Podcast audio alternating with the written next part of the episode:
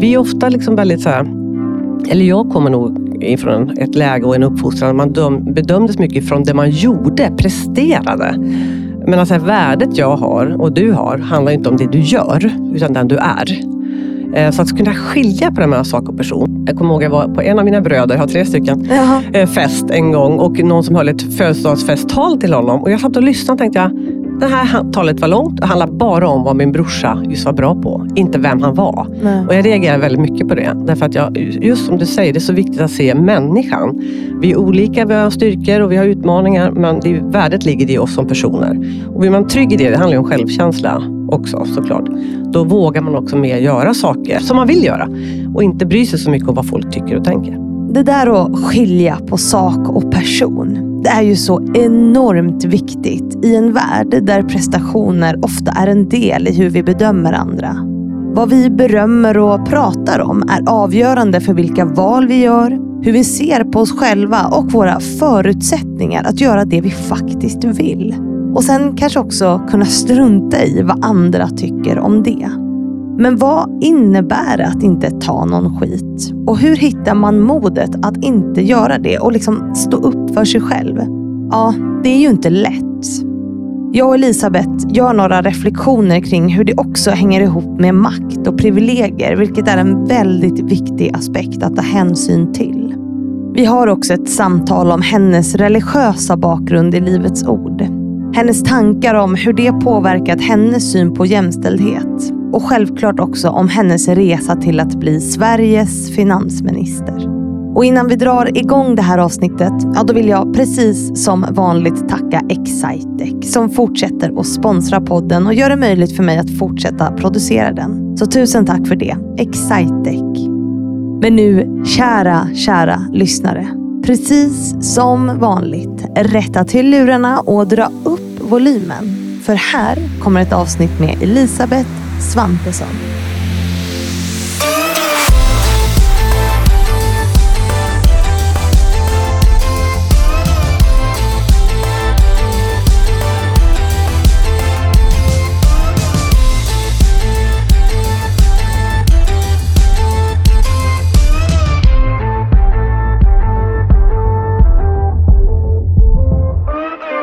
Så vi gör så här. Att jag pratar lite grann. Eh, Testa ljudet även här. Så att vi ser att min ljuva stämma tas upp och det gör den. Och min stämma är inte så ljuv, men den kanske tas upp. Eh, Den är ljuv. V- vad brukar du få för frågor när man eh, testar eh, Men vad, ljud? alltså alla journalister nästan, vad åt du till frukost? Ja. man bara, så jag brukar säga det innan, så bara, ja, men nu, jag tror jag gjorde det idag. Eller, bara, ja, jag åt ingen frukost.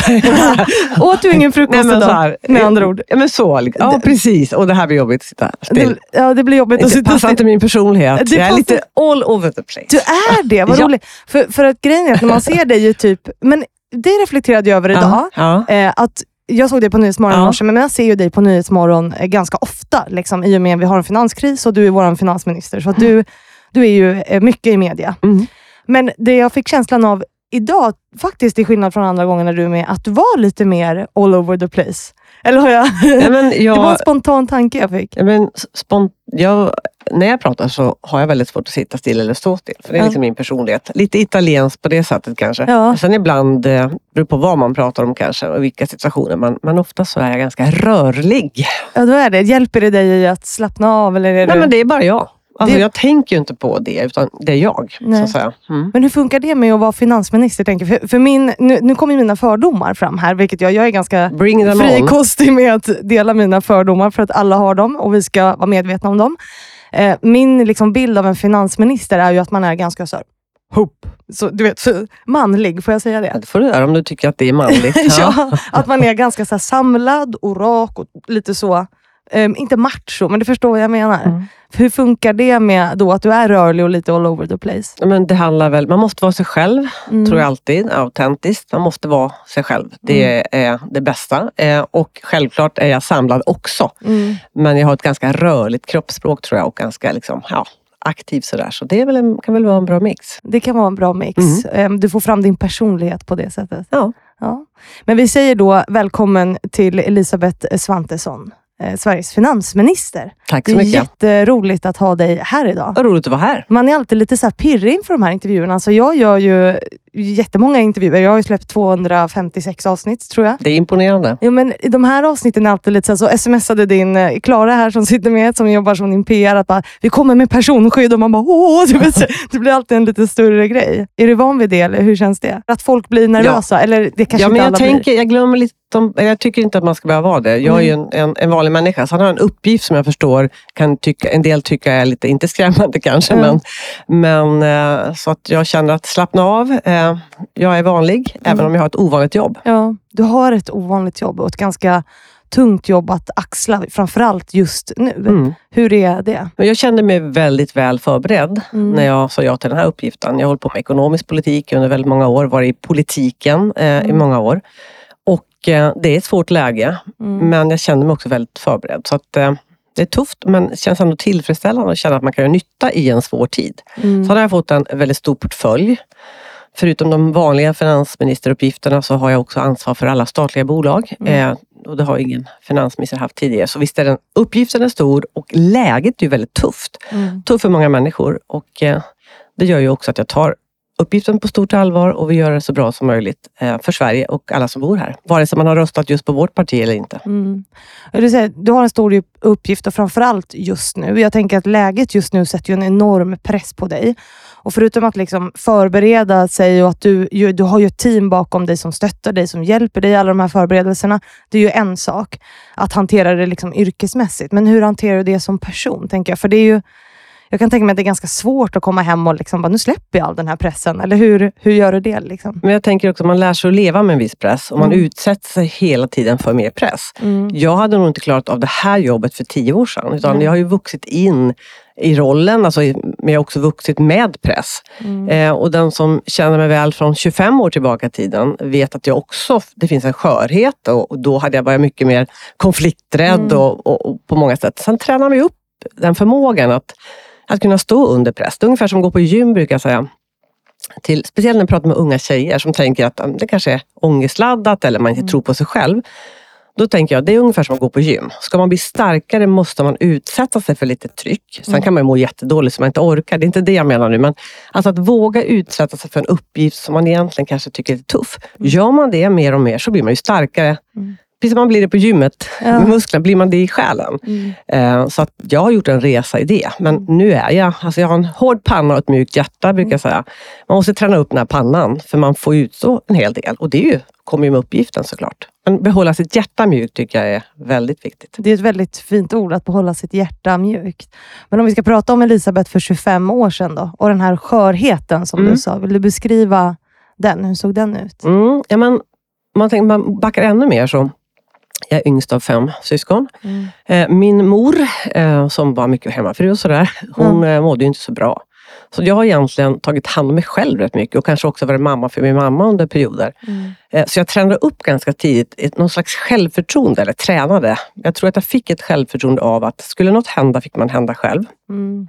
Men det fanns också en skörhet, en osäkerhet, ångestladdat. Mm. Så det har inte varit liksom en rak väg för mig på något sätt. Nej. Men jag har ändå gjort det jag trott på och eh, tagit tillvara på möjligheter. Mm. Eh, trots att det varit jobbigt många gånger. Så att, eh, ja, jag har tränat upp ändå en viss förmåga att eh, inte vara rädd för konflikt. Då menar jag så att inte ta allt personligt. Inte ta sig själv på så himla stort ansvar. Men, allvar menar jag. Mm. Men ta uppgiften på stort allvar. Och det är ju en skillnad i det. Men hur, hur har du hamnat i det att inte ta dig själv på så stort allvar? För jag tänker om man är skör och liksom har lätt till ångest, och då är man ju också ganska nära sig själv på många sätt. Och Då är det ju svårt att liksom inte ta saker personligt eller ta sig själv på så stort allvar. Mm. Hur, hur liksom hamnade du där? Du säger att det är styrkejobb och så. Så. Men också träna liksom att, att se att, att vad är det värsta som kan hända? Mm. Så gör man saker fast man tycker det är tufft. Och så gör man det flera gånger. Till slut så blir, går det bra. Mm. Eh, Sen också bli utsatt för kritik. Jag var doktorand innan jag blev heltidspolitiker och Mm. forskade på nyanlända i Sverige. Och där utsätter man för kritik. Alltså, varje seminarium är kritik. Eh, Politiken är kritik och inte ta den personligt. Mm. Vi är ofta liksom väldigt så här, eller jag kommer nog ifrån ett läge och en uppfostran där man döm, bedömdes mycket från det man gjorde, presterade. Mm. Men alltså värdet jag har och du har handlar inte om det du gör, Nej. utan den du är. Eh, Så att kunna skilja på det mellan sak och person. Och Mm. i politiken generellt så här, mellan oss toppolitiker på, i olika partier, där är vi ganska duktiga på det.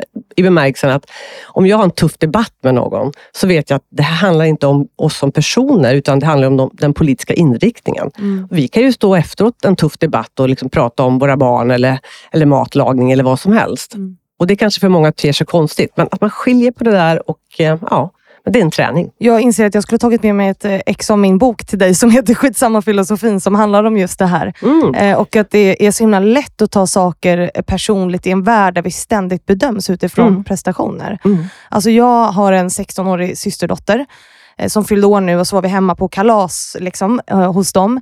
Och Det jag har märkt och liksom reflekterat mycket över på senaste tiden, som hon gjorde även då, det är att hon berättar väldigt mycket om till exempel sina betyg. Mm. Här, nu har jag, så- hon är superduktig i skolan, alltså hon har jättebra betyg. Och Det är liksom det man söker beröm och bekräftelse för. Eh, Medan jag då var så här, men vet du vad Julia, du är också en väldigt bra person. Så här, det är Exakt. jättekul att du har Ja. bra betyg, men du är också väldigt omtänksam, Mm. du är snäll, du bryr dig om människor. Alltså att man liksom berömmer andra saker. Av. Exakt så. Och jag är så här, och, och det här tycker jag är, för jag, min bok handlar ju om att här, vi lever i ett system som är riggat för misslyckande från början. Mm.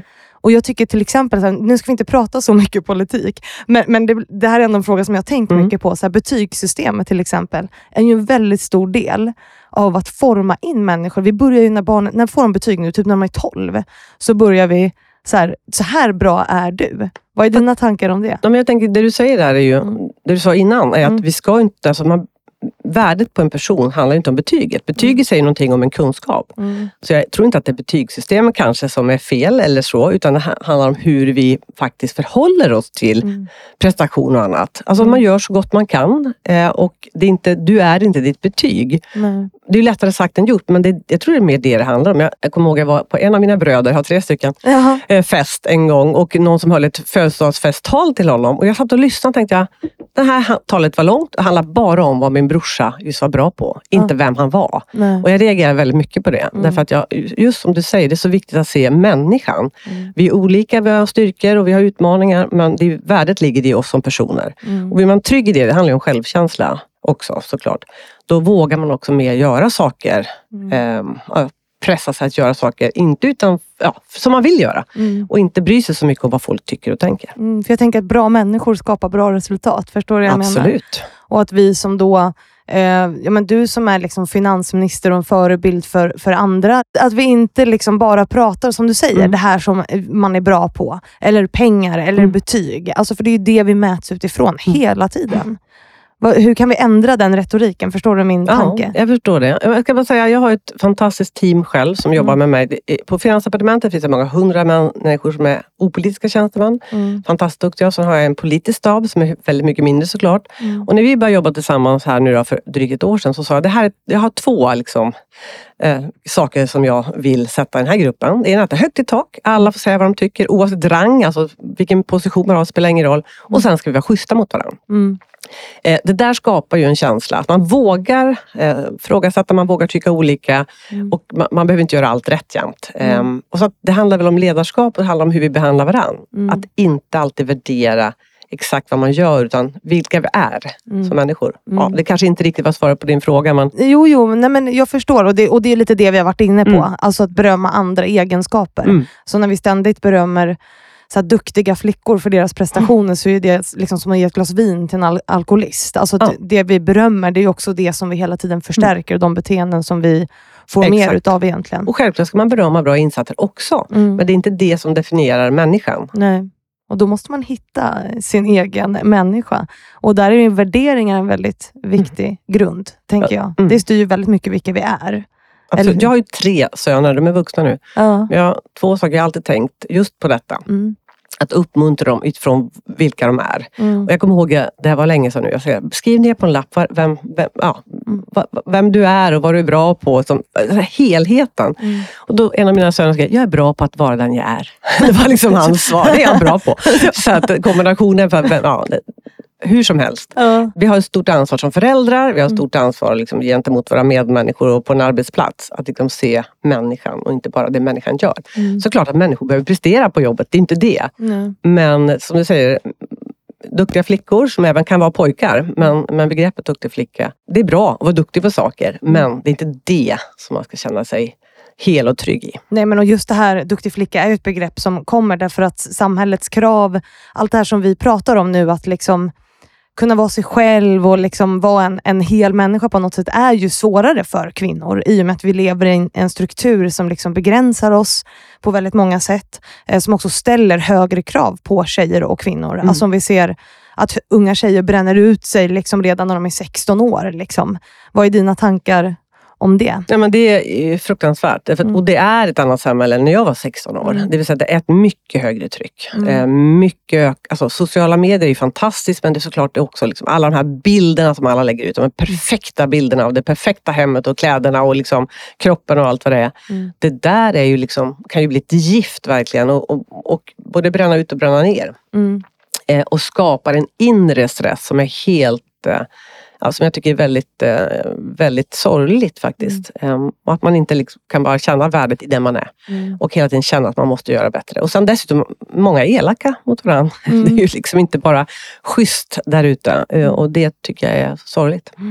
Men om du skulle få skriva ner på en lapp till dig själv nu då, vem du är? Vem är Elisabeth Svantesson? Men jag är en eh, rätt så trygg eh, eh, kvinna. Eh, själv tycker jag att jag är mina bästa år. Det har alltid varit så. Jag brukar Hur gammal säga. är du? Vill du Jag är född lyssnarna? 67. Ja. Ja. Så då är man, jag är inte så bra på matte som Nej, dig. du, får, du får räkna. 67, då är du alltså 56. Tycker jag va? Ja. Tycker vi att jag är 56? Nej, det gör vi inte. Jo, vi är, jag är 56. Jag lovar, jag fyller 57 år. Ja, precis. Ja, men då hade jag rätt. Mm. Ja, ja. Wow. Nej, men så här, jag är en, en eh, rätt så trygg person med mycket energi eh, och eh, är, gillar effektivitet. Eh, Mm. och, men också omtänksam. Mm. Mm, det är liksom det jag också är och försöker vara. Eller Mm. försöker, jag är nog det. Mm. så. Eh, målinriktad men trygg. Mm. Alltså, jag känner mig trygg. I, jag kommit till en ålder också, det handlar lite om ålder också, Mm. när man eh, känner sig trygg i det man är och det man gör. Och eh, tar inte skit. Du tar inte skit. Du tänker lite Nej, skitsamma. och det vill jag som- gärna liksom, skicka, skicka till andra också. Mm. Liksom. Så här, ta möjligheter, ta inte skit. Mm. Se att om någon, min livsfilosofi ända från jag var väldigt, väldigt ung har ju varit liksom, kan han eller hon så kan jag. Varför Mm. skulle inte jag klara det? Mm. Jag är i alla fall medelbegåvad. Ja. Alltså, så här, Jag är många tänker här, liksom, men många, jo Ja. men jag tänker så. Ja.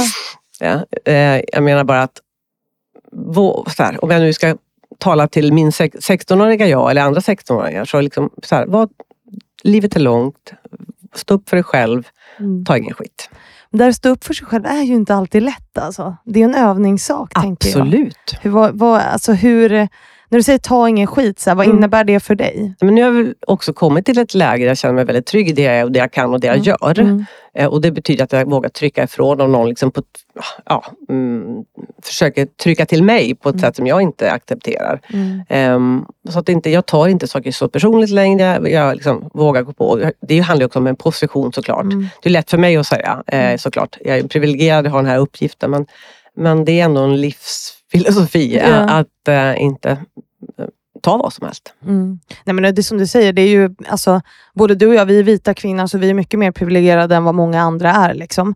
Eh, och Det tycker jag är en viktig analys som, som du gör. Alltså att det är ju lätt att så här, ta ingen skit när man Mm. sitter här och, och liksom, på något sätt har någon form av maktposition. Men Mm. har det alltid varit lika lätt för dig att inte ta skit? Nej, nej men Nej. Det, så är det ju. Det har ju inte alls varit så. Utan man, man, det är ju någonting som man som med åren och medvetande gör också. Det, man kan ju också reflektera över situationer, relationer. Varför saker har gått som det har gått. Och Mm. då, då kommer man ju fram till det till slut. Sen, som jag sa, jag har eh, lite självuppfostrad. När jag var liten, skulle Mm. något hända fick jag hända själv. Jag har fyra äldre syskon. Eh, och det formar en också på, på ett bra sätt. Eh, Mm. tre bröder eh, som var närmast då. Eh, där eh, mitt enda sätt att, när de liksom, ja, vet, syskonbråk och annat, det var jag var ju tvungen att använda, jag kunde inte använda musklerna. Utan jag fick ju snacka mig fram, så att säga. Och det tror jag gav mig lite träning. Ja, I att hantera Hantera män. Hantera män, ja. För det är faktiskt en helt en, en eh, vad ska man säga, kunskap att kunna hantera män. Mm. Nu är det inte bara män som utsätter Nej, kvinnor nej. för härskartekniker, men, men det är klart att du också har tagit dig fram en ganska mansdominerad värld, alltså Mm. inom ekonomi och finans. Och så. Jag tänker att det har varit mycket kostymnissar. Mm. Och det jag tycker, kostymnissar säger jag nu, men, men jag tänker att det du sa med reflektion och liksom medvetenhet är så otroligt viktigt. Mm. Liksom. Men det är inte så många som som gör det, som stannar upp. Och, eh, för det var någonting som jag lärde mig när jag startade den här podden. Att, för jag, tänkte, jag ville lära mig att navigera i en mansdominerad värld. Jag kommer från IT-branschen Mm. själv och ville liksom göra karriär. Och så ville jag bara lära mig att hantera härskartekniker. Men sen ju fler jag pratade med, ju fler kvinnor jag pratade med, gjorde det ju det att jag insåg att så här, ja, men det kanske inte är mig det är fel på. Det kanske inte är så att jag ska lära mig att hantera det här, utan det kanske är ett strukturellt problem. Det var liksom Mm. så jag hamnade i den reflektionen. Mm. Men hur kommer det sig att du liksom började reflektera över de här sakerna och, och blev medveten? Ja, nu blir jag påmind faktiskt om en situation eh, hösten 2006. Kom Ja. in i riksdagen. Ja. Första debatten jag gjorde, det är en allmänpolitisk debatt heter det. Det var en kvinna från ett annat parti som jag tog replik på. Alltså det vill säga att, och det var en kvinna. Eh, Jag var, jag, det, ja, det spelar ingen roll för parti.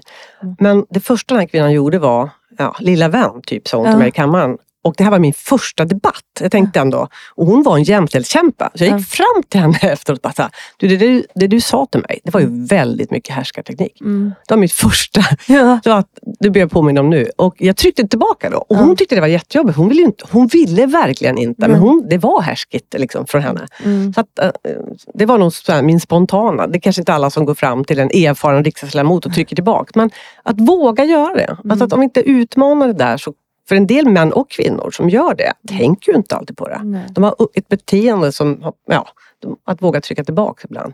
Jo, Även men- om hjärtat, pull, hjärtat slår hårt. Då, liksom. Mm. Och, jag, och jag tänker att det, jag, som jag brukar säga, så här, vaknar människor på morgonen och vill vara praktarslen? Alltså nej, de, de Nej. flesta gör ju faktiskt inte det. Jag vill ändå Nej. tro att människor har ett go- gott uppsåt och vill vara bra människor, men att det blir fel och att vi gör Mm. saker som vi alltid har gjort i alla tider för att det är det som har Precis. gynnat oss. Och ett bra knep om jag ska ge, det är Mm. också att, att uttrycka känslan man känner. Mm. Därför att om, om du härskar mot mig så säger men nu blev jag ledsen, nu känner jag det här. Mm. Då kan ju du inte säga till mig, nej det gör du inte alls det. Nej. Eller det kan du ju säga, men känslan, att uttrycka hur man upplever mig alltså, känslomässigt. Mm. Det är också, kan också vara ett sätt att hantera. Mm. Och det som du sa, som, som många av mina, så när jag föreläser, och så, alltså, det tipset som de uppskattar väldigt mycket, det är att jag brukar säga att man kan göra precis som du gjorde, att man kan hantera en situation i efterhand. Alltså det är aldrig för sent. För ofta så kan det ju vara så att man kanske går hem från ett möte, eller ja, man står, de flesta står inte i riksdagen och debatterar, men liksom att man går hem från ett möte med en dålig magkänsla, det har hänt något eh, i det här rummet, att liksom börja träna på att analysera, vad var det som hände, varför kände jag så? Och sen kan man gå till den här personen i efterhand och hantera det. För jag tror ju otroligt mycket på att liksom göra människor medvetna. Mm. För att man vill inte vara dum. Nej. Jag vill inte härska över dig, Eh, men det blir så ändå. Mm. Klokt. Eller hur? Mm. Ja, nu blev det jag som gav något tips. Ja, men det, jag ville det- bara reflektera ja, tillbaka till det som du sa, att du hanterade Absolut. den situationen väldigt bra. Man kan prata med människor efteråt, sen får man också till slut bara släppa och gå Mm. vidare. Mm. Eh, Men reflektera liksom, så att man vet att till nästa gång, eh, ja, ja, att man är mer medveten. Ja. Men inte fastna för då blir det jobbigt för en själv. Ja, men och det är också ett, sätt att träna upp sitt mod. Mm. Att hantera det, för det är ju läskigt. Alltså, jag vågar inte heller alltid säga ifrån om någon är en, ett praktarsle, som jag brukar säga. Utan att man får ju träna upp det där. Ja, Liksom. mod är att göra det man inte vågar. Mm. Det är inte modigt att göra allt man vågar så att säga. Nej. Utan det, modet är ju att våga gå mot sin fruktan eller rädsla. Mm. Ja, nu hamnade vi här. Eh, Ja. Inte från frukostfrågan. Jag brukar faktiskt ställa frukostfrågan. Ja. Jag gjorde inte det med dig, för att det var det första du sa. Men för, där brukar man på något sätt eh, landa ganska mycket. När jag ställer frågan, så här, vad åt du till frukost? Mm. Eh, så brukar det oftast leda till så här långa samtal. Men nu hamnade vi eh, här eh, av helt andra anledningar. Men vi ska ju prata om dig idag också, Elisabeth, och liksom hur du har hamnat där du har gjort. Och Du har ju beskrivit lite kort, Mm. men jag tänker så här, hur, hur började det? Du kommer från Lycksele? Va? Jag har bott på väldigt många ställen, Ja, men Lycksele också. Ja, du, du är född där och sen har du flyttat Ja. runt lite och varit Ja. i Örebro. Och, Och kommit tillbaka till Lycksele. Men jag har Ja. bott eh, på flera platser. Örebro är helt självvalt. När jag Ja. började plugga efter gymnasiet så valde jag Örebro av alla ställen. mm, Även om jag, jag hade bra betyg, men min äldsta bror bodde då där, så det känns tryggt att flytta från Östersund till Örebro. Ja. Eh, och jag älskar den staden, så jag är väldigt glad. Vi bor ju där nu också. Mm. Mm. Men du uppväxt med tre bröder då? Och en syster. Och en syster, så ni är många syskon. Mm. Och en mamma som, som inte mådde så bra. På vilket sätt då? Hon var Ja, hemmafru men min, och... pappa, min pappa var pastor i Missionsförbundet, hette det. det var en frikyrklig rörelse. Eh, Mm. och mamma var mest hemma. Hon var utbildad lärare, så ibland jobbade hon också. Mm, Dels var det liksom lite hemmafru-perioder på den här tiden. mm, eh, i den generationen. Men det var också att hon inte mådde bra. Eh, och på den tiden fick man inte den hjälp heller som man behövde. nej. Men hon, ja, hade, hon lever fortfarande, hon Mm. hade, men hon hade perioder eller med ja, det var oro, ångest och, och mycket annat som hon Mm. kämpade med. Och då blev hon blev på det sättet, alltså, hon lagade mat och städade sådär såklart. Men resten, eh, hon hade inte så bra koll på mig så att säga. Nej. Och un, sen under årens lopp så har jag varit mycket som en mamma för henne. Mm. Och det har gjort att du har växt som människa, eller är det något Mm. du, att du Ja, liksom jag- fick ta ansvar tidigt? Men jag tror ändå att i grunden så, klart det var också tufft. Mm. Men eh, som, skulle det hända som jag sa, fick man hända själv. Eh, Mm. och på något sätt i det där så fick jag någon slags självförtroende. Därför jag märkte att det funkade. Mm. Så att självförtroendet jag har faktiskt har haft ganska bra under livet. Det handlar nog inte, eller det handlar inte om det som jag fått med mig hemifrån. Utan det Mm. som jag har liksom fått möta och klara av. Så. Och du, du nämnde ju det, du har ju en religiös bakgrund. Mm. Liksom. Dels, eh, alltså din pappa var pastor i vad Mm. missionsförsamlingen. Missionsförbundet. Mm. Missionsförbundet, förlåt. Och sen så blev det Livets Ord, Mm. eller hur? Mm. Var han pastor där också? Nej, nej, Nej. Det var jag och min man som var med där. Ja. Mm. Eh, och då, då kommer ju min fråga, så här, eh, dels så här, varför har ni lämnat Livets Ord? För ni är inte kvar Mm. där idag. Nej, Nej. Nej, men det var, var saker som var bra där, men det var också mycket som... nu flyttade vi också Mm. därifrån, vi flyttade Mm. till Örebro. Men, men jag är med i Svenska kyrkan, eller vi är med i Svenska Mm. kyrkan idag och där känner vi oss väldigt hemma. Du har liksom en kristen tro. Absolut, säga. den har jag kvar. Oavsett vilken kyrka eller inte kyrka, så Mm. min tro är väldigt stark. Mm. Men, men, eh, och det är ju jättefint. Eh, Men det som, jag, det som blir min följdfråga är ju så här, hur påverkar då, för, för min fördom och det lilla jag vet om typ Livets Ord är att det Mm. inte är särskilt jämställt. Alltså det är inte en religion som, eller en tro som är särskilt jämställd. Den är ju mycket eh, liksom, ja, men kärnfamilj, hemmafru. Mm, Alltså mm. Att det, är liksom, det, det är min uppfattning av det. Hur har det påverkat din syn på, på jämställdhet? Och, Mm. Ja, men det var nog ännu mer så då. då när vi Mm. på, det här var ju 90-tal och 30 Ja. år tillbaka i tiden. Eh, men vi var ju ovanliga jag och min man. Eh, eller min man speciellt kanske. Mm. Eh, Jag hade ju inte kunnat gjort det jag gör idag utan Bjarne som är min man. Vi har varit tillsammans i 40 år. Eh, Mm. Han är sjuksköterska eh, och han tog ett väldigt stort ansvar. Vårt första barn var ju han, föräldraledig. Det var ju väldigt ovanligt generellt 91. Mm. Ännu mer såklart i den här typen av kyrka. Mm. Det var inte många män som var föräldralediga under längre tid. Eh, Han var, gick på öppen förskola och sådär och, eh, i Uppsala. Så det var ovanligt. Men han, han och jag har varit väldigt trygga och fria. Han är väldigt trygg i sin manlighet. Mm. Eh, och där kanske inte så många män då var hemma. Eh, men han brydde sig väldigt lite om det. Mm. Så att, och vi har tre söner och jag har alltid tänkt att de, mina barn och mina söner ska bli självständiga.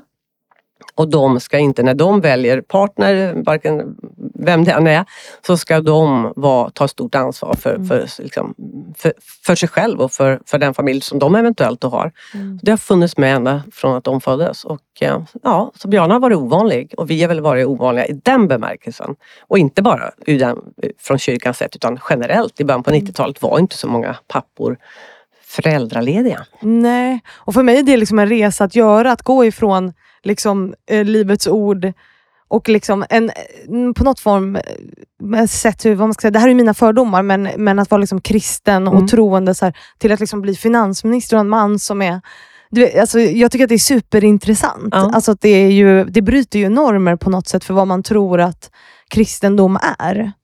Det, eller vad tänker du om det? Men du sa, det är väl mass- massor, ja, men idag är det väl m- massor av kristna män och kvinnor som delar på föräldraledighet och allt Mm. annat så. Så det har ju Mm. hänt mycket även där. Mm. Men då var det ju mer normbrytande såklart. Mm. Jag, jag vet ju att en del kvinnor jag umgicks med, de bara såg ju med avund på att min man städade, tvättade och allt det där som jag tyckte och vi tyckte var självklart. Mm. Alltså, för oss var det inget konstigt, men för Mm. andra var det ju det. Mm. Det gäller att vara trygg i den man själv är. Och han var trygg i den han är och jag är trygg i den jag är. Så det Mm. funkar fint. Det måste ju ha underlättat enormt som du säger för din karriär. Att han Absolut. har tagit eh, mer ansvar för barnen. Och det där är ju Eh, ovanligt kan jag säga. Har det, jag måste bara säga också, Ja. för min äldsta son nu då, har ju tre barn. ja. eh, Som är 10, 8 och 5 år, så jag har tre barnbarn. Mm. Och att se honom då, lika fantastiskt som det är att få barnbarn, Mm. lika fantastiskt är ju att se sin, sitt barn, sin son, Mm. bli en väldigt bra förälder. Eh, och att ändå, vi ändå har fört med oss någonting genom det som vi har gjort. Och Mm. det känns ju jättefint. Alltså det är ju enormt eh, bra med förebilder på det området också. Det där får man ju ofta höra. Jag driver de här frågorna ganska mycket och brukar ju ja, men, göra lite humor av det här att män är generellt ganska dåliga på att ta ansvar för hemmet. Alltså det är ju kvinnor som projektleder som gör allt, som gör att kvinnor bränner ut sig och så vidare. Och då får, man, får jag ofta höra eh, i form av kritik, om man nu ska kalla det, att här, ja, men då får väl kvinnorna börja uppfostra lite bra män och uppfostra sina pojkar. Men jag tänker att så här, det kanske är ännu viktigare att papporna är förebilder för Ja. sina söner. Att så här, jag tar faktiskt hälften av ansvaret. För det är det det handlar om. Det handlar inte om att de ska hjälpa till, utan de ska ju ta... Är pappa inte barnvakt för sitt barn så att säga? Nej, men, men så sa precis. man ju mycket på 90-talet. Typ. Nej, mannen måste vara hemma och vara barnvakt. Man bara, what? Ja, nej men, och det här tänker jag, det här är en viktig del i så många frågor. Alltså inte bara så här kvinnors eh, ekonomiska utveckling, Mm. eh, sjukskrivningar. Eh, det handlar också om det här med mäns våld mot kvinnor. Alltså att vi måste skapa en så sundare syn av manlighet. Mm. Alltså du sa att din man är trygg i sin manlighet. Mm. Men hur tänker du att vi kan liksom skapa män som är mer trygga i sin egen Eller förstår du vad jag menar? Så att man, man får den här typen av män. Mm, Men jag tänker att som förälder då Mm. har man ju också ett ansvar. Mm. Hur man liksom fostrar. Men framförallt, det handlar inte om vad man säger. Men, Det handlar faktiskt om vad man gör. Mm. Så att se dem, mamma och pappa, göra olika saker. Att, liksom, ja, hos oss så Mm. var det ju väldigt vanligt då att Bjarne dammsög, tvätta, Ja. alltså allt det här. Mm. Eh, Det, de såg ju det, för dem var ju det inget konstigt. De har ju aldrig tänkt tanken, tror jag, när de var små att oj, pappa tvättar. Nej. Ja, varför ska jag inte göra det? Liksom. Ja. Att det blir Så det handlar liksom att, att det är svårt. Det är inte ett kollektivt fostrande utan det får man väl göra i varje, alltså, Vi har alla ett, en, ett enskilt ansvar att göra vad vi kan Mm. för att både eh, tjejer och killar ska ta ansvar och växa och liksom ha samma förutsättningar och ge samma möjligheter. Mm. Ja, det handlar ju om mycket om att bryta normer. Mm. Alltså det är det som, för Försäkringskassan gjorde en studie när det gäller det här med föräldraledighet och så vidare, att kvinnor tar fortfarande ut 70 procent. Mm. Och så skyller man ju ofta på att det har med inkomst att göra, men man ser ju också att även om kvinnan tjänar mer Mm. än vad mannen gör, så är det fortfarande hon som tar ut föräldraledigheten. Mm. Vilket ju påverkar, det här vet ju du och alla som lyssnar, att det Mm. påverkar ju vår livslånga ekonomi jättemycket. Mm.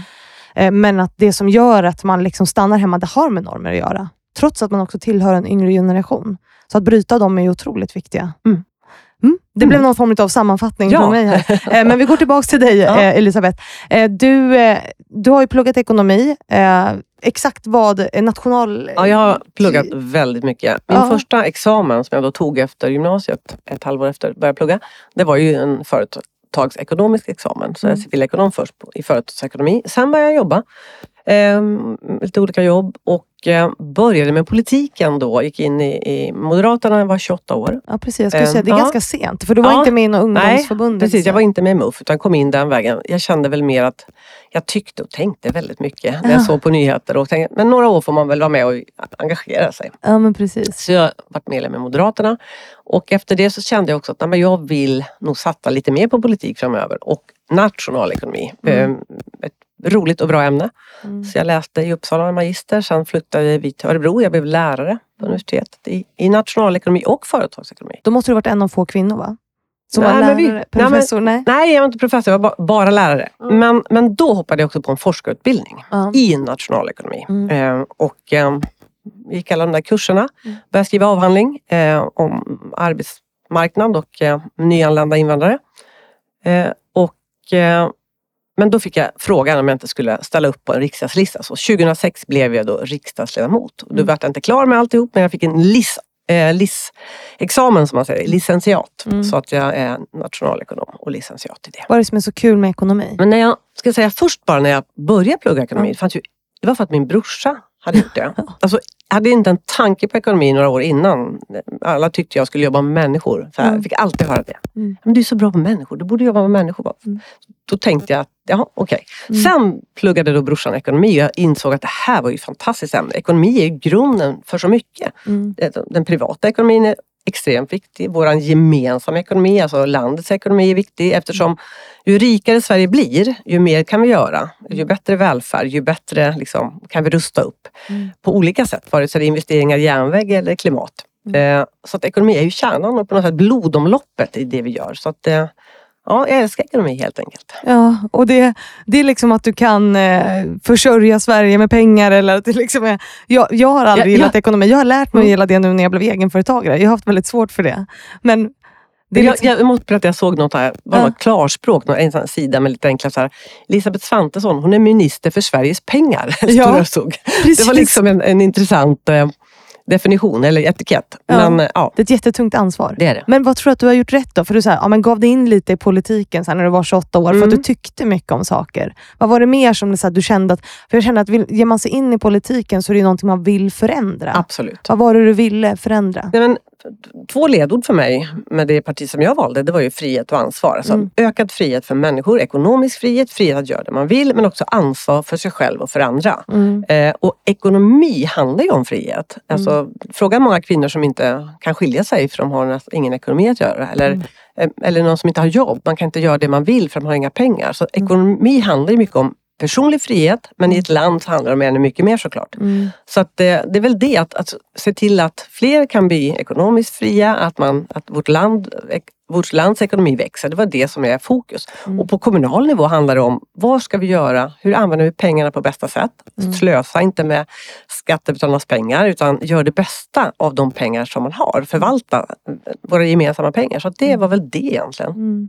Men och, så, och, och då kom du in där och var lite engagerad. Ja. Och sen så fick du frågan, så här, det är så Nej. kul du säger det lite, Ja. så här, ska du inte ställa upp i, så här, i, och i riksdagsval eller bli ledamot? Så här, men någonting tänker jag då har man gjort någonting rätt längs vägen för att få den frågan. Ja. Vad tror du att du har gjort rätt? Men jag är ju en person med stor, mycket energi Mm. eh, och eh, vill få saker gjorda. Tycker om att utveckla politiken, det man Mm. brukar kalla policyutveckling. Det är så här, hur kan vi bättre till exempel förändra skattesystem Mm. eller hur kan vi bättre se till att de som kommer till Sverige snabbt kommer in i jobb? Alltså vad är det för politik som behövs? Mm. Det där har jag alltid gillat. Mm. Och sen har jag jobbat hårt hela vägen. Mm. Så det är, inte, det är inte bara by accident jag hamnade i riksdagen eller blev finansminister såklart. Utan det handlar om ett driv i policyfrågor, att utveckla politiken utifrån det läge som är. Mm.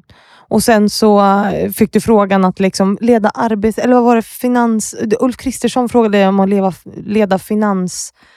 Just det. Nej, men så här, jag har ju suttit i Jag- jag riksdagen. bara försöker kartlägga här absolut. din karriär, Men men så- 2006 kom jag in i riksdagen Ja. och då höll jag på mycket med de två frågor som jag då brinner för mest. Ekonomi, integration. Mm. 2013 fick jag frågan av eh, Fredrik Reinfeldt Ja. att bli arbetsmarknadsminister. Just det. Så det var jag ett år då under eh, den sista, det sista året under ja, alliansen förra gången. Då. Mm. Och sen har jag ju haft, jag är vice partiledare också Mm. i, i, i Moderaterna och eh, när Ulf Kristersson blev partiledare blev jag ekonomisk politisk talesperson. Ja, så jag har hållit på med de frågorna från Mm. opposition och Mm. också fått igenom en del budgetar i riksdagen Mm. i opposition. Mm. Och Det- sen då när vi bildade regering så var det ju ganska klart innan att jag skulle bli finansminister om, Mm. om vi skulle få möjlighet att bilda regering. Och nu ska vi prata om att du har ju ändå tagit dig fram i en väldigt så här, mansdominerad värld, tänker jag. Eller har jag, har jag fel?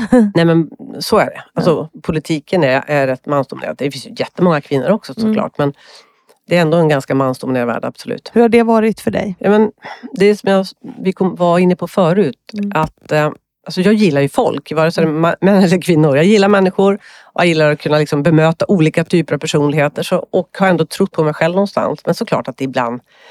eh, Man, när man reflekterar, inte, jag har inte råkat ut för några svåra saker. Men självklart är det situationer som man har varit med om säkert som, som män aldrig behöver möta. Bara, bara, bara en liten sak. Det här var inte från en man, det var från en kvinna. Men jag satt i en podd Mm. för några månader sedan och så sa men du är alltså tuff. Liksom, så här. Du är en tuff. Bara, Då, då, då slängde jag tillbaka eller sa, "Vad är, varför är jag tuff? Mm. Jag är rak i min kommunikation ofta. En man som är rak i sin kommunikation uppfattas ju inte som tuff. Det är ingen Mm. tuffhet. Bara en sån sak. Mm. Så man bedöms ju annorlunda. Mm. Men generellt, ja det är en manlig värld. Men jag har varit mig själv och på något sätt in, valt att Mm. inte ta saker personligt. Att inte ta för mycket skit som Mm. sagt. Eh, och eh, ja, så det, så är det. Jo, men jag tänker när man är då en, en kvinna som andra, oftast män då, eller jag tror kvinnor också skulle säga så här, att du är tuff, bara för att du är rak och Mm. tydlig. Liksom.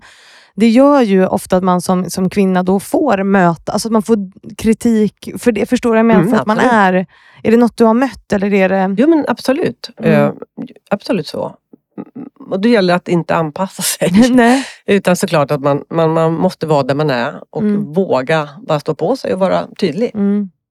Och det är ju inte lätt. Men det har Nej, det är inte lätt. det- nej, nej, nej. Det låter lätt nu, men vi har ju pratat om det innan. Det, det är någonting man också tränar upp såklart. ja, tränar upp att Ja. stå på sig. Och härskartekniker finns ju i politiken självklart, i alla Mm. partier. Och eh, det kan komma från män och kvinnor. Mm. Men lite mer från män ofta och lite äldre män. Mm. Men jag har ju ansvar för alla statliga bolag. Mm. Det är den första finansministern som jag sa som har det ansvaret. Men där är jag väldigt glad för att vi har jämställda styrelser. Mm. Man får ju ofta frågan, så borde vi ha kvotering i Mm. vanliga bolag? Så här, nej, jag tycker inte det. Men det är både osmart och väldigt omodernt att inte ha jämställt när det gäller ordförande, VD och, och styrelser.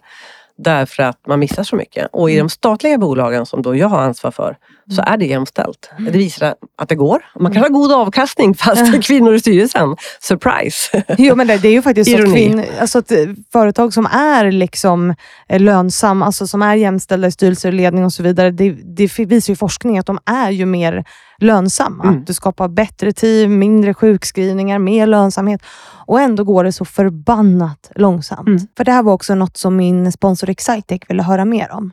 Vad tror du, eller varför går det så otroligt långsamt? Vad tror du? Därför att man ofta väljer personer som är ungefär som en själv. Det, är Mm. liksom, ja, Mm. det visar ju också forskning. Eller, det är bara att titta. Liksom, det är lätt att välja ungefär likadana och då Mm. blir det fler män. Mm. Alltså, män är ofta valberedning. Mm. Men vad gör man för att utmana det då? Vad tror du vi behöver göra? Jag tror att många jobbar ju med att utmana sig själva Mm. också. Det går ju åt rätt håll men det går som du säger alldeles för långsamt. Det handlar Mm. väl om att ha debatten, diskussionen och peka till exempel då på de bolag som jag har ansvar för som har eh, jämställdhet. Det funkar alltså. Mm. Eh, så att det, det är rätt viktigt att bara fortsätta och prata om det och tjata lite grann också. Det gör ingenting. Nej, det gör ingenting. Eh, någonting som vi också måste prata om med dig Elisabeth, eh, en viktig fråga som är viktig för mig, det är ju det här med jämställd ekonomi. Eh, och då, nu kan vi ju faktiskt också faktiskt få komma in lite på politik, för det här tycker jag är en otroligt viktig fråga. Men vi ser ju att kvinnor tjänar sämre, alltså vi har ju sämre pensioner, vi har alltså sämre livsinkomst överlag. Mm. Eh, vad, vad tänker du, så här, hur, hur löser vi det här? Har du den universella lösningen? Hade jag det så hade jag ju naturligtvis eh, tagit fram den för länge sedan. Mm. Men å ena sidan är det ju så. Min mormor heter Fanny för övrigt. Ja, ja, ja. Hon föddes 1892. Oj, oj. så här, Ja. Då tänker man att jag är lastgammal också, det är jag. Men det Nej, är, det är det är ändå bara bara två 56. generationer bakåt. Och Ja. när hon då föddes så fick ju inte ens kvinnor rösta i alla val och det fick de inte göra förrän flera år senare. Nej. Eh, Så det har hänt mycket. Men som Mm. du säger, vi kan inte vara nöjda och vi kan inte vara stolta över att det är så stor skillnad. Ja, kvinnor äger hälften av vad män äger. Mm. 30 procent av kvinnor, eller av företag drivs av kvinnor bara. Mm. Eh, Det borde vara fler. Så det finns mycket att jobba på i många delar. Mm. Eh, medvetandegöra. Eh, Mm. Allt tror jag inte handlar om politik utan Mm. det handlar också om medvetandegöra. Att man får information. Om du väljer detta så har det en påverkan på hela din livsinkomst. Mm. Eh, såklart att det finns mer att göra. Men nu är till exempel föräldraförsäkringen tredelad. Det tycker jag i grunden är bra. Mm. Vad innebär det? För Ja, beskriv men för de som inte ja, vet. men just det här att den inte är... Man kan inte lämna bort alla dagar utan det är tre, tre månader för, för ena föräldern, tre månader för andra och så har man Mm. tre månader som man då kan mer välja fritt. Mm. Eh, men då är det också viktigt att man är medveten om vilka beslut, de beslut jag fattar idag Mm. kommer att påverka min livsinkomst och min pension 30, Mm. 40, 50 år längre fram. Mm. Ja, men och det vet vi ju, men ändå så händer det ju så himla lite. För Jag pratade om, om, om det här med Paulina Brandberg också. Mm. Att vi har ju en, en politik idag som liksom, liksom s- säger människans fria val. Det är ju en fin tanke. Men, men i grund och botten, så här, hur fritt val har människan egentligen? Om du tittar på normer och, och sådana saker. Det här med att skaffa barn till exempel är ett jättebra exempel på det som mina lyssnare får höra väldigt ofta Mm att vi, vi förväntas ju liksom utifrån det här samhällssystemet som vi lever i, att vi ska göra en karriär, eh, vi ska, sen ska vi skaffa en partner och sen så ska vi skaffa barn och så ska vi ha villa. Och så, så gör man bara allt det här liksom, utifrån vad samhället förväntar sig av oss. Till exempel skaffa barn. Alltså att man, man eh, när jag pratar om de här frågorna och mitt val att så här, inte låta barn styra de val jag gör i livet. Så jag har inte sagt jag vill inte ha barn eller jag ska ha barn, utan jag är bara så här, händer det så händer det. Mm. Eh, Då får jag så mycket meddelanden av kvinnor som säger till mig så här, jag hade behövt en förebild som dig när jag var i din Mm. ålder. För att jag älskar mina barn, men jag ångrar att jag skaffade dem när jag gjorde det. För att det har påverkat hela mitt liv. Och då har man ju liksom det är något tabubelagt på något sätt, Ja, man eller hur? inte, man Ja. får inte prata om det, men man har också gjort ett val som ju är fritt. Alltså man har ju skaff, men det är ju inte fritt. Förstår, förstår du min... Absolut. Nej, men man, absolut. Man, vi kan ha många filosofidiskussioner också. Vad är fria val och Mm. Ja. inte? Absolut. Alltså så här, vad är fritt och vad är inte? Hur fri är människan? Mm. Hur fri är människan Mm. generellt? Mm, Men med det sagt så tycker inte jag att politik ska styra allting för det. nej. Man har ändå ett val Mm. och man, oavsett hur man, fritt man tycker det är eller inte, så ska inte politiken styra allt. Men Mm. exempelvis föräldraförsäkringen tycker jag är en bra del då. Mm. Att liksom, nej, man kan inte lämna över alla till kvinnan eller mannen eller hur nu relationen ser ut. Eh, men man kan dela på vissa saker. Mm. Eh, och någonstans så, så har vi som människor också ett ansvar att ta reda på saker, att liksom Mm. reflektera och fundera som du då har Mm. gjort. Mm. Eh, så man kan inte lämna allt det där till politiken för Mm. allt är inte liksom, partipolitik på det sättet. Nej, i samhället är det ju vi människor Ja. som bygger. Exakt. Eh, Och som du säger, så men, men kunskap är ju, för att människan ska kunna göra så här grundade val, så är ju kunskapen en nyckel till det. Liksom. Och därför den här podden är bra, exempelvis. Exempelvis. Ja. Eh, men, men sen hur kan man liksom få ut den här kunskapen mer? Alltså jag har ju till exempel pratat med, med en del politiker om att här, ska vi införa du vet, så här, jämställdhet och jämställda relationer och allt det här i utbildningen så att man liksom lär sig det från början. Eller någon form av samhällskunskap att så här, det här är den, ursäkta nu svär jag, men den uppfackade världen som du växer upp i. Liksom, för den vår värld är ju rätt störd på många sätt. Eh, eh, vad tänker du om det? Alltså så man har kunskap, man formar människor som... Men det är egentligen Som- en slags livskunskap generellt. Mm. Igen. För allt handlar ju inte heller bara om jämställdhet. Jämställdhet är en otroligt viktig del. Ja. Men det finns ju fler dimensioner Mm. liksom, av hur, hur vi ska liksom, leva så bra liv som möjligt såklart. Eh, och, eh, men det, jag tycker vi alla har ett ansvar. Föräldrar har ett ansvar. Mm. Vi har ett ansvar. Sen Mm. tror jag att man pratar en hel del om det här på, i skolan idag. Mm. Jag tror faktiskt man gör det mer idag. När jag var, var 13 eh, Mm. skulle jag tro. Ja, det är intressant. Alltså, jag satt ner med min eh, lillebror, som är, han är ju en liten sladdis och han är ju 26. Och hans tjejkompis, och började, vi började prata om politik och allt möjligt. Mm. Och så här. Jag blir så imponerad över hur påläst den yngre generation är och vilket engagemang de Mm. har. Liksom. Och Det tycker jag är Absolut. något som vi jag menar, när jag var 26, jag hade aldrig suttit och haft de samtalen med människor som de har. Det är helt otroligt. Men man ska se det också. Men att Ja. Det är många unga som har kommit väldigt långt här. Mm. Mycket längre än vad vi, eller då jag ska tala för mig själv. Men Ja.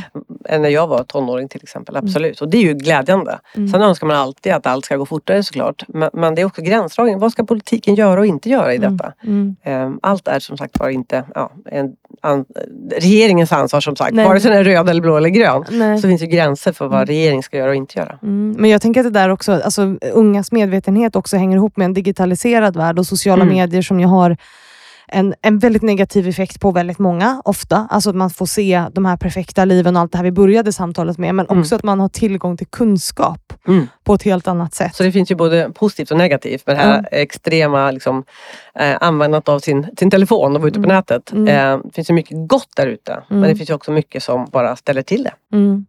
Sen tänker jag också på det här eh, som vi som för mig är väldigt viktigt och det är ju att de människorna som sitter på mest ansvar för förändring, det är ju Mm. de människor som sitter på makt. Mm. Alltså oavsett om det Mm. är att man sitter på politisk makt. Jag menar, jag som, som med det jag gör sitter också på en viss typ av makt. Att jag behöver vara en förebild och liksom vara en del av att forma ett bättre samhälle. Eh, men en utmaning, jag vet inte hur jag får till en snygg utgång eller så här, övergång på det här, men jag vill ändå prata om kvinnor och Mm. makt. Ja. Därför att makt är ett ord som är negativ klang ganska ofta. Alltså att människor, man ser ju människor som liksom tar makt. Alltså vi har ju bra exempel just nu. Eh, maktgalna människor som gör dumma saker, som liksom erövrar makt med våld. Makt är också någonting fint som man kan använda till att förändra. Men, men även om du som, nu blir det en lång utläggning här, men du är ju en kvinna som sitter på makt. Men att man liksom inte alltid, trots att man har den, har möjligheten att utöva den. Mm. I och med att kvinnor med makt ofta blir utsatta för mycket mer hot. Eh, både digitalt och i verklighet, så- eller hot om våld och sådana saker.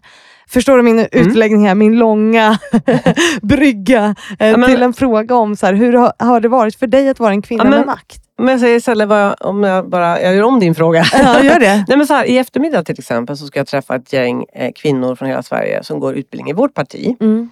Eh, Och då brukar, jag brukar vara väldigt noga med, de- det är nya grupper tror jag varje år, om det är en eller två grupper. Och jag brukar se till att jag träffar varje grupp. Mm. För att eh, de är ute i kommunerna och, och regionerna. Och liksom, Mm. ha- för att för, både vara en förebild, berätta, liksom, ge dem goda råd, råda, goda tips och för att de ska kunna växa. Mm. Det ser jag som min uppgift liksom, i, i partiet till exempel. Men också i den ställning jag har eh, nu så är det viktigt för mig att uppmuntra och lyfta kvinnor och tjejer på olika sätt eh, och f- som förebilder. Mm. Och jag känner, jag är privilegierad även ur ett maktperspektiv. Alltså, jag har kommit till en plats och har väldigt god, goda relationer med liksom, Mm.